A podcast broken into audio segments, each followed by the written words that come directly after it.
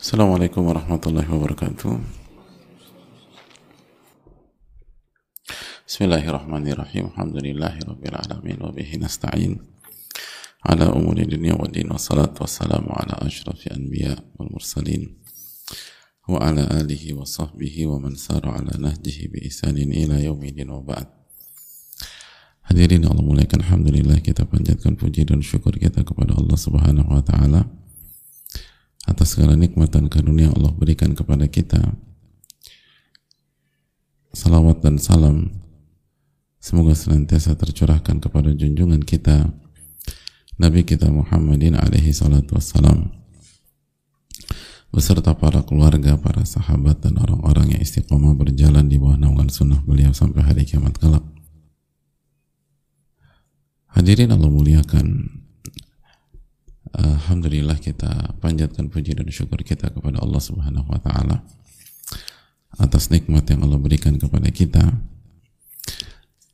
Nikmat yang sangat besar dan sangat mahal yaitu nikmat ilmu ilmu yang akan menjadi guidance dan akan jadi petunjuk bagi seseorang untuk menjalani kehidupannya. Ilmu yang dibutuhkan setiap orang melebihi kebutuhannya dari makan dan minum sebagaimana dikatakan Imam Ahmad murid dari Al-Imam Asy-Syafi'i rahimahumullahu taala. Ilmu yang merupakan uh, kebutuhan yang paling mendesak yang paling urgent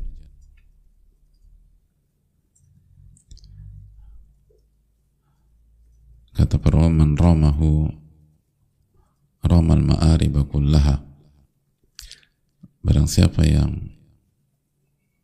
mengejarnya maka dia telah mengejar hal yang paling urgent dan yang paling dibutuhkan dalam kehidupan manusia.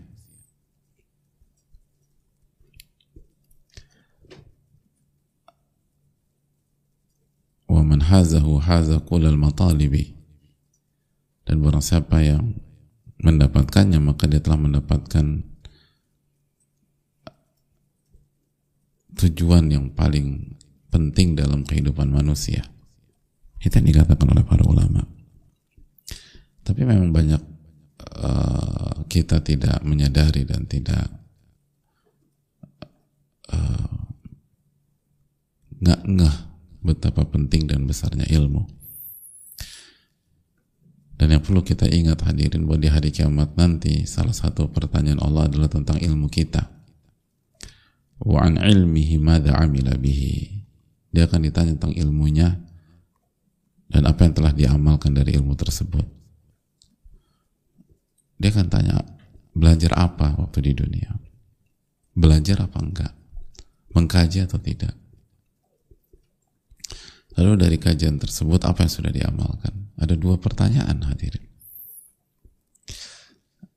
Kita ya atau kalau kita tidak belajar dan ikut kajian kita kena di pertanyaan pertama. Dan kalau kita hanya belajar aja nggak diamalkan, maka kita kena di pertanyaan yang kedua. Wa ilmihi madza amila bih. Dia akan ditanya tentang ilmunya dengan lalu bagaimana dia mengamalkan ilmunya tersebut. Oleh karena itu hadirin Allah muliakan. Semoga Allah memberikan taufik kepada kita sehingga kita bisa belajar lalu mengamalkan ilmu kita tersebut. Dan itulah ilmu yang bermanfaat ilmu yang melahirkan iman dan amal soleh. Allahumma inna nas'aluka ilman nafi'a wa na'udzubika min ilmin la yanfa'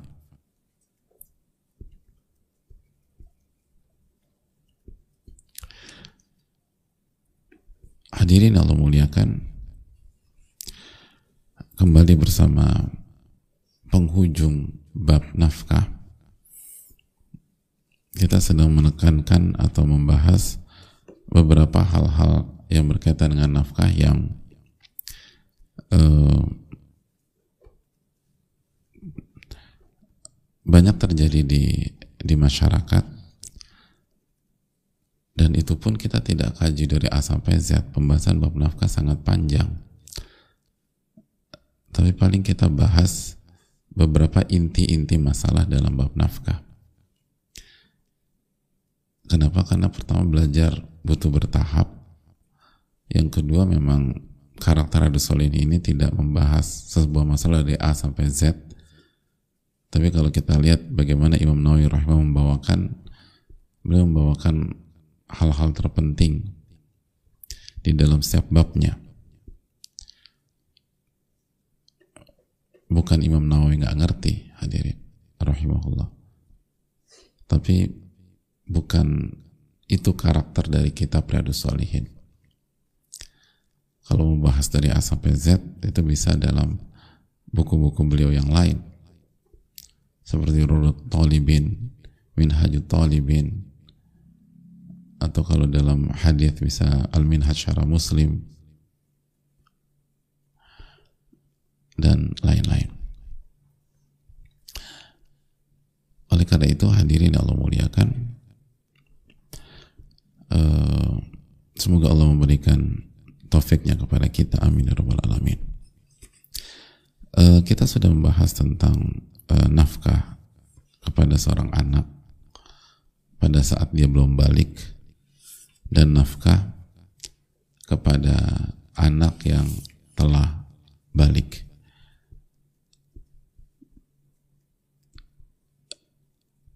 Dan kita uh, jelaskan ada sedikit perbedaan antara atau perbedaan antara anak laki-laki dan anak perempuan yang telah balik. Dan kita juga menjelaskan bahwa uh, bukan hanya nafkah yang dibutuhkan atau nafkah materi yang dibutuhkan, tapi juga bagaimana jiwa seorang anak harus di, dididik, hati seorang anak harus di, dididik, karena hanya fokus pada nafkah materi tidak akan menyelesaikan masalah besar kita di hari esok. Oleh karena itu, di samping uh, Allah memerintahkan orang tua untuk memberikan nafkah wa 'alal mauludi lahu rizquhunna wa kiswatuhunna bil ma'ruf. Misalnya dalam surat Al-Baqarah 233 Allah pun berfirman ku anfusakum wa ahlikum naro jagalah diri kalian dan keluarga kalian dari siksa api neraka dalam surat uh, At-Tahrim ayat 6 dan itu real hadirin.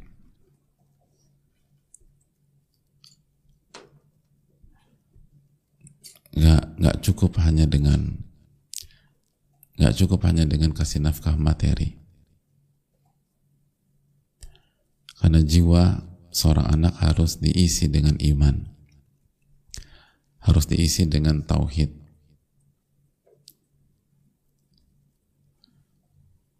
hati seorang anak itu harus diisi dengan ilmu.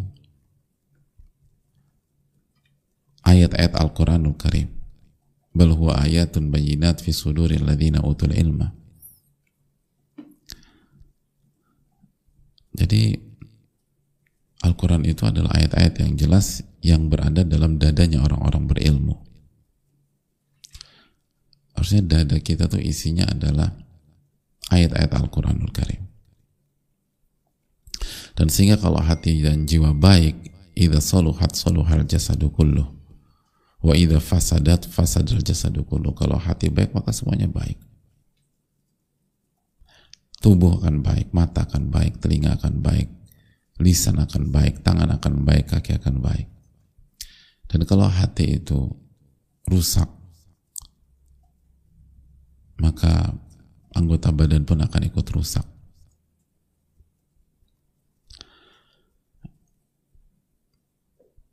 Nah ini yang perlu kita renungkan terus. Jadi anak itu butuh secara zahir dan juga butuh secara batin hadirin. Butuh secara zahir dan butuh secara batin. Bukan hanya butuh secara zohir saja.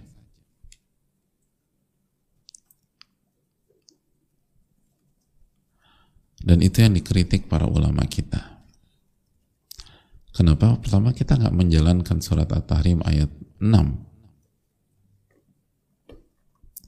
Coba lihat Tahrim ayat 6. Jelas-jelas ku anfusakum wa ahlikum naro. Jagalah diri kalian dan keluarga kalian dari siksa api neraka. Yang bahan bakarnya adalah manusia dan batu. Dan penjaganya adalah malaikat yang kasar dan keras. Dan tapi mereka nggak menrohakai Allah Subhanahu Wa Taala.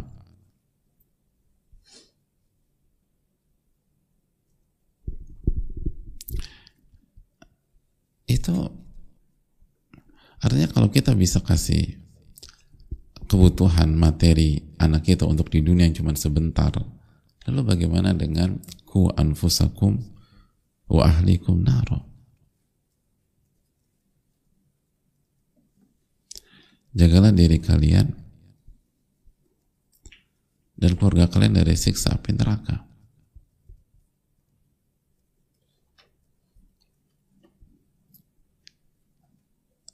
Jadi hadirin Allah muliakan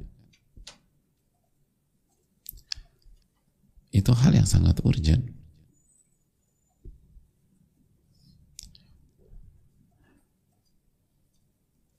Dan jamaah yang Allah muliakan. Makanya para ulama mengatakan begini loh. Kata ulama, ya khadimal jismi kam tashqa bi khidmatihi. Wahai pelayan-pelayan jasmani. Wahai pelayan-pelayan materi. Wahai pelayan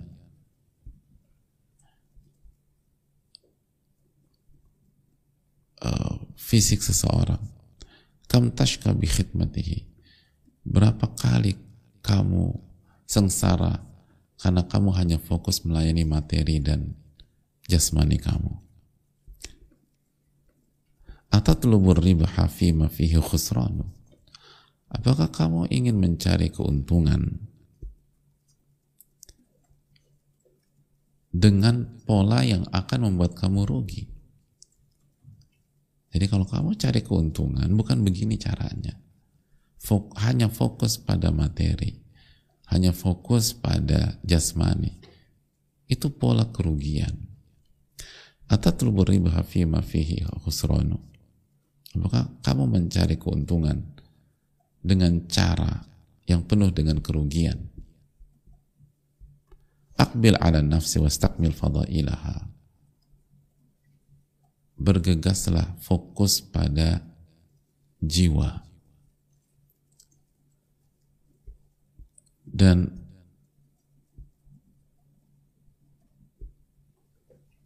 sempurnakan ke, uh, eh, kelebihan dan keutamaannya.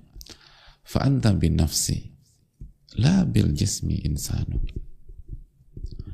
Karena kamu menjadi manusia dengan rohmu, bukan hanya sekedar dengan jasmanimu. Jadi kamu itu jadi manusia karena ada ruh. Karena ada karena ada jiwa.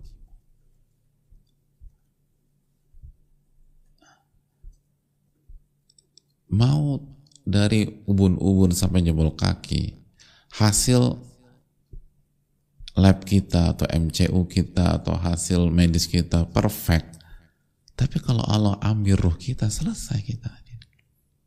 Nggak ada gunanya tuh hasil medis. Ruhnya diambil selesai. Makanya Allah fa'anta bin nafsi la bil jismi insanu. Anda tuh jadi manusia dengan ruh anda bukan sebatas dengan jasmani anda Sebaliknya, ada kekurangan di, jas, di, di jasmani kita, mungkin tangan kita atau kaki kita, ada yang kulit, ada yang tulang dan tapi kalau masih dikasih ruh, Anda masih jadi manusia di dunia ini yang hidup dan masih ada yang bisa Anda kerjakan. Anda masih bisa tambah pundi-pundi pahala Anda. Anda bisa menghapuskan dosa Anda dengan istighfar dan tobat. Anda masih bisa sujud, Anda bisa bisa ruku. Kalau nggak bisa sujud, Anda bisa tetap sholat. Anda masih bisa melakukan kebaikan. Tapi aku udah nggak bisa jalan, Anda bisa dari tempat tidur, bisa ikut kajian online, bisa baca Quran, bisa berzikir, bisa transfer-transfer, asal masih ada ruhnya. Tapi kalau ruh nggak ada selesai. Makanya fa'anta bil fa'anta bin nafsi la bil jismi insanu. Anda itu jadi manusia dengan ruh Anda, dengan jiwa Anda, bukan dengan fisik Anda semata. Nah begitu juga kalau kita perhatian sama anak kita, bahkan walaupun dia sudah balik, kita penuhi, dia kuliah kita belikan kendaraan, lalu kita biayai dan seterusnya. Bahkan itu tadi bisa jadi anak kita udah mampu, tapi kita tetap bilang udah, pokoknya uang kamu tuh kamu tabung aja, pakai uang papa. Jadi masya Allah gitu loh semangatnya terhadap materi, kebutuhan materi anaknya. Nah kalau kita semangat untuk memenuhi kebutuhan anak kita untuk hidup yang mentok-mentok 60 tahun, 70 tahun, 80 tahun, maka bukankah kita harus lebih semangat lagi memikirkan alam kubur anak kita? Bukankah kita harus lebih semangat lagi memikirkan hari kiamat anak kita? Dan apakah di surga atau di neraka?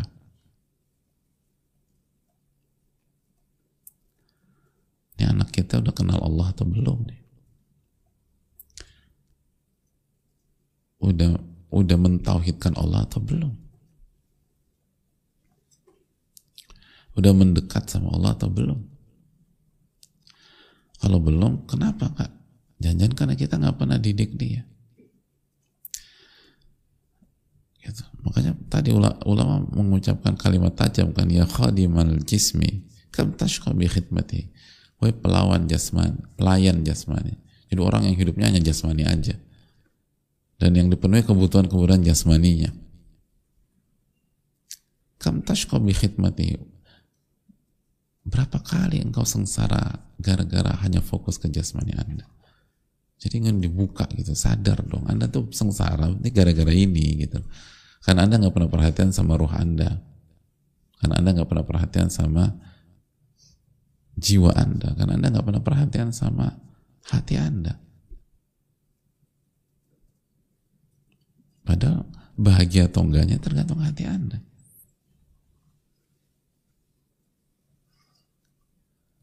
Hanya fokus jasmani, jasmani, jasmani. Bagus fokus jasmani. Tapi hanya jasmani, itu punya hanya itu loh masalahnya. Allah ta'ala alam. Bisawab kita buka sesi tanya jawab. Uh, semoga Allah kasih taufik.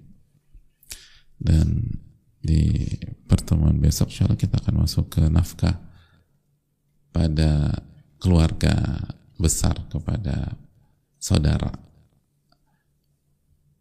siapa aja yang wajib kita nafkahi dari uh, saudara kita kakak kakak apakah kakak wajib kita nafkahi atau adik kita wajib nafkahi? Atau om tante kita wajib nafkahi? Paman bibi? Kita akan coba uh, bahas dengan segala keterbatasan kita di pertemuan yang akan datang insyaallah taala. Wassalamualaikum warahmatullahi uh, Assalamualaikum warahmatullahi wabarakatuh Waalaikumsalam warahmatullahi wabarakatuh Semoga Allah merahmati dan memberkahi Al-Imam Nawawi, Ustadz, keluarga, serta seluruh kaum muslimin di mana pun berada. Amin ya rabbal alamin. Izin meminta pencerahan Ustadz. Uh, ya, taufik dari Allah Subhanahu wa taala kita saling dukung satu dengan yang lain. Bagaimana kiat memanage hati kita sebagai ibu, khususnya yang kadang masih suka dihinggapi rasa sedih ketika melihat perilaku anak-anak tak seperti yang diharapkan kami sudah berusaha mendidik dan membimbing anak-anak dari kecil dengan tauhid yang benar. Mengajarkan ibadah dan sekolah pun kami carikan yang mendukung perkembangan agamanya yang benar.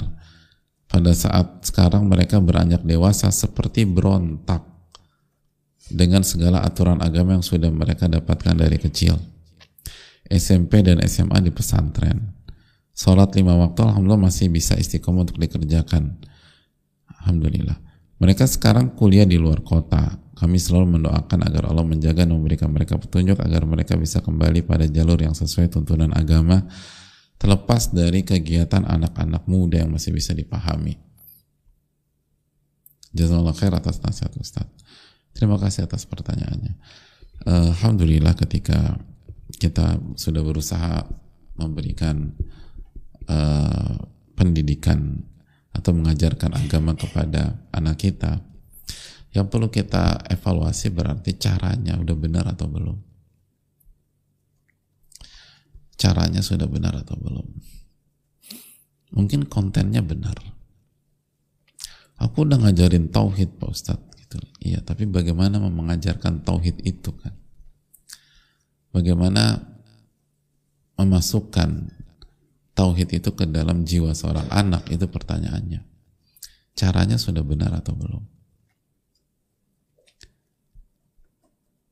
karena ini hal yang sangat menentukan. Karena sebagian kita sering berpikir bahwa yang penting isinya atau kontennya semata. Yang penting isi dan kontennya uh, sesuai dengan Al-Quran dan Sunnah Nabi SAW dan dipahami oleh Nabi SAW, para sahabat, para tabi'in, tabi'ut tabi'in, para a'imah dan seterusnya.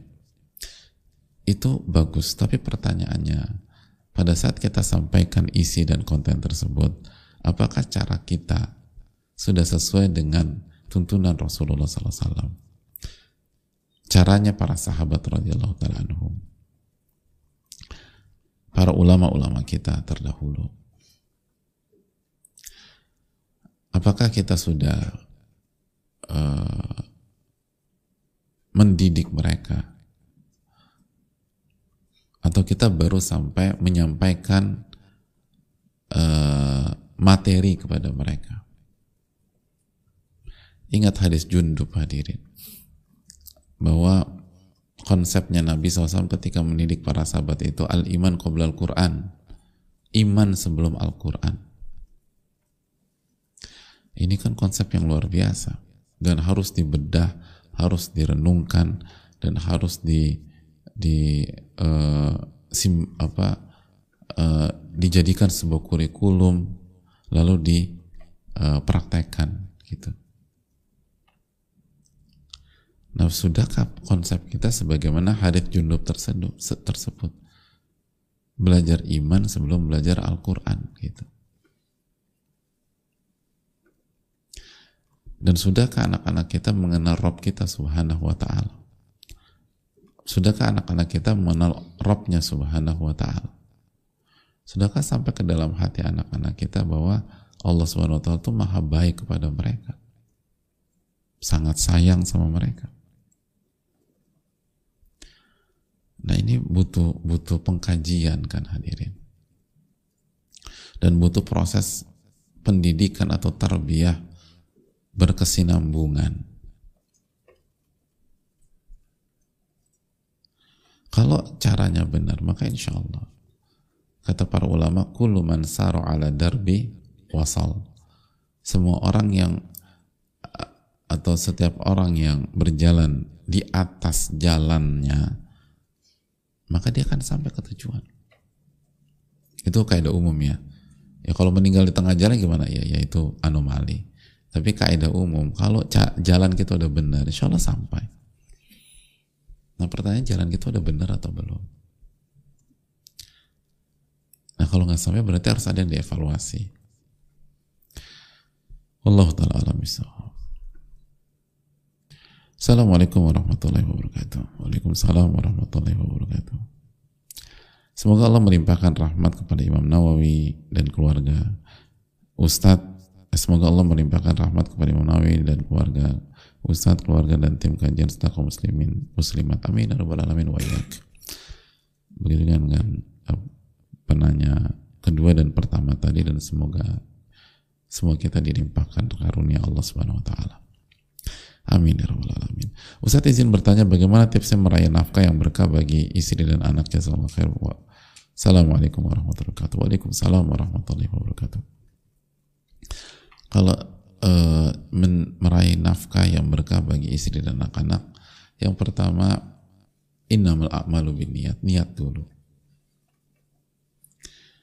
semua dimulai dari niat dan tujuan apa tujuan kita jadi niat sebelum kita nyari niat niatnya apa? Niatkan mencari wajah Allah Subhanahu wa taala. Niatkan menjadi uh, upaya menunaikan kewajiban. Niatkan meraih pahala. Karena saat kita memberikan nafkah kepada istri dan anak kita menjalankan kewajiban dan kewajiban adalah amal yang paling Allah cintai sebagaimana hadis quds yang sudah kita bahas berkali-kali. Maka itu kan jadi motivasi besar bagi kita. Saya ingin dapat pahala dan amalan yang paling Allah cintai. Karena pastinya itu akan berdampak positif dalam kehidupan saya. Jadi dari awal tuh beda bukan. Jadi kita tuh keluar rumah atau kerja gitu mau di atau misalnya di dalam rumah itu bukan hanya ngerjain rutinitas gitu setiap pagi itu ada energi gitu.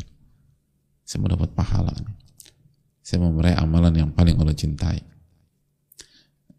Saya ingin bertanggung jawab saya ingin menjalankan kewajiban saya biar saya dapat keberkahan. Terus begitu juga uh, niatkan sebagai teladan bagi anak-anak. Sehingga anak-anak lihat bahwa uh, apa arti tanggung jawab, apa arti menjalankan kewajiban. Begitu juga dengan istri. Istri kan ngelihat ketika suaminya berjuang memberikan nafkah, berarti suamiku itu mengajarkan tentang arti dari tanggung jawab, menjalankan kewajiban. Berarti saya juga harus tanggung jawab di kotak saya sebagai istri gitu. Anak juga mikir gitu. Makanya kan banyak anak-anak tuh ketika pesan ini sampaikan ketika ditanya kamu mau jadi kayak siapa sih nak? Aku mau jadi kayak papa gitu. Ah kenapa papa mau ya papa tuh uh, bagi aku idealis eh, ideal banget hidupnya itu untuk keluarganya gitu. Papa tuh selalu uh, memperjuangkan kita selalu bekerja untuk uh, kita bisa hidup kita bisa Bisa makan, bisa sekolah, bisa bla bla bla bla bla bla. Jadi pesan itu sampai aku dengan kalimat aku ingin kayak papa gitu. Nah itu kan penting ya kita harus kasih kasih kasih pesan itu dan itu dengan keteladanan dan itu berkah itu mahal hadirin bahkan itu lebih mahal daripada mungkin uh, tiga porsi uh, makan pagi makan siang makan malam yang kita uh, kita kasih ke anak kita. Jadi itu dulu. Lalu setelah itu baru misalnya pekerjaannya halal. Lalu kalau kita mampu apa mampu memilah-milih cari pekerjaan dengan tingkat keberkahan yang paling tinggi misalnya. Lalu pas pas berjuang eh, penuh dengan ketawakalan karena tawakal kan dampaknya luas ya dia. Wa man yatawakkal 'ala Allah fa huwa hasbu innallaha balighu amri. Dalam surat At-Talaq kan Allah mengatakan barang siapa yang bertawakal kepada Allah Allah akan cukupkan. Allah akan cukupkan. Lalu itu tadi bukan hanya nafkah materi tapi juga kita didik anak-anak kita. Kita gunakan uang itu bukan hanya untuk beli uh, kebutuhan primernya tapi juga kebutuhan ruhnya, kebutuhan jiwanya. Lalu jangan pernah lupa ibadah kepada Allah, jangan lupa uh, berzikir, berdoa, keluar rumah tuh doa diri. Di perjalanan kalau bisa istighfar istighfar. Jadi isunya ada waktu baca Quran baca Quran. Jadi banyak yang jadi sehingga semakin kita mapan semakin dekat sama Allah. Ketika koran rezeki kita dibuka kita bersyukur. Ketika beberapa bulan ini agak seret kita bersabar.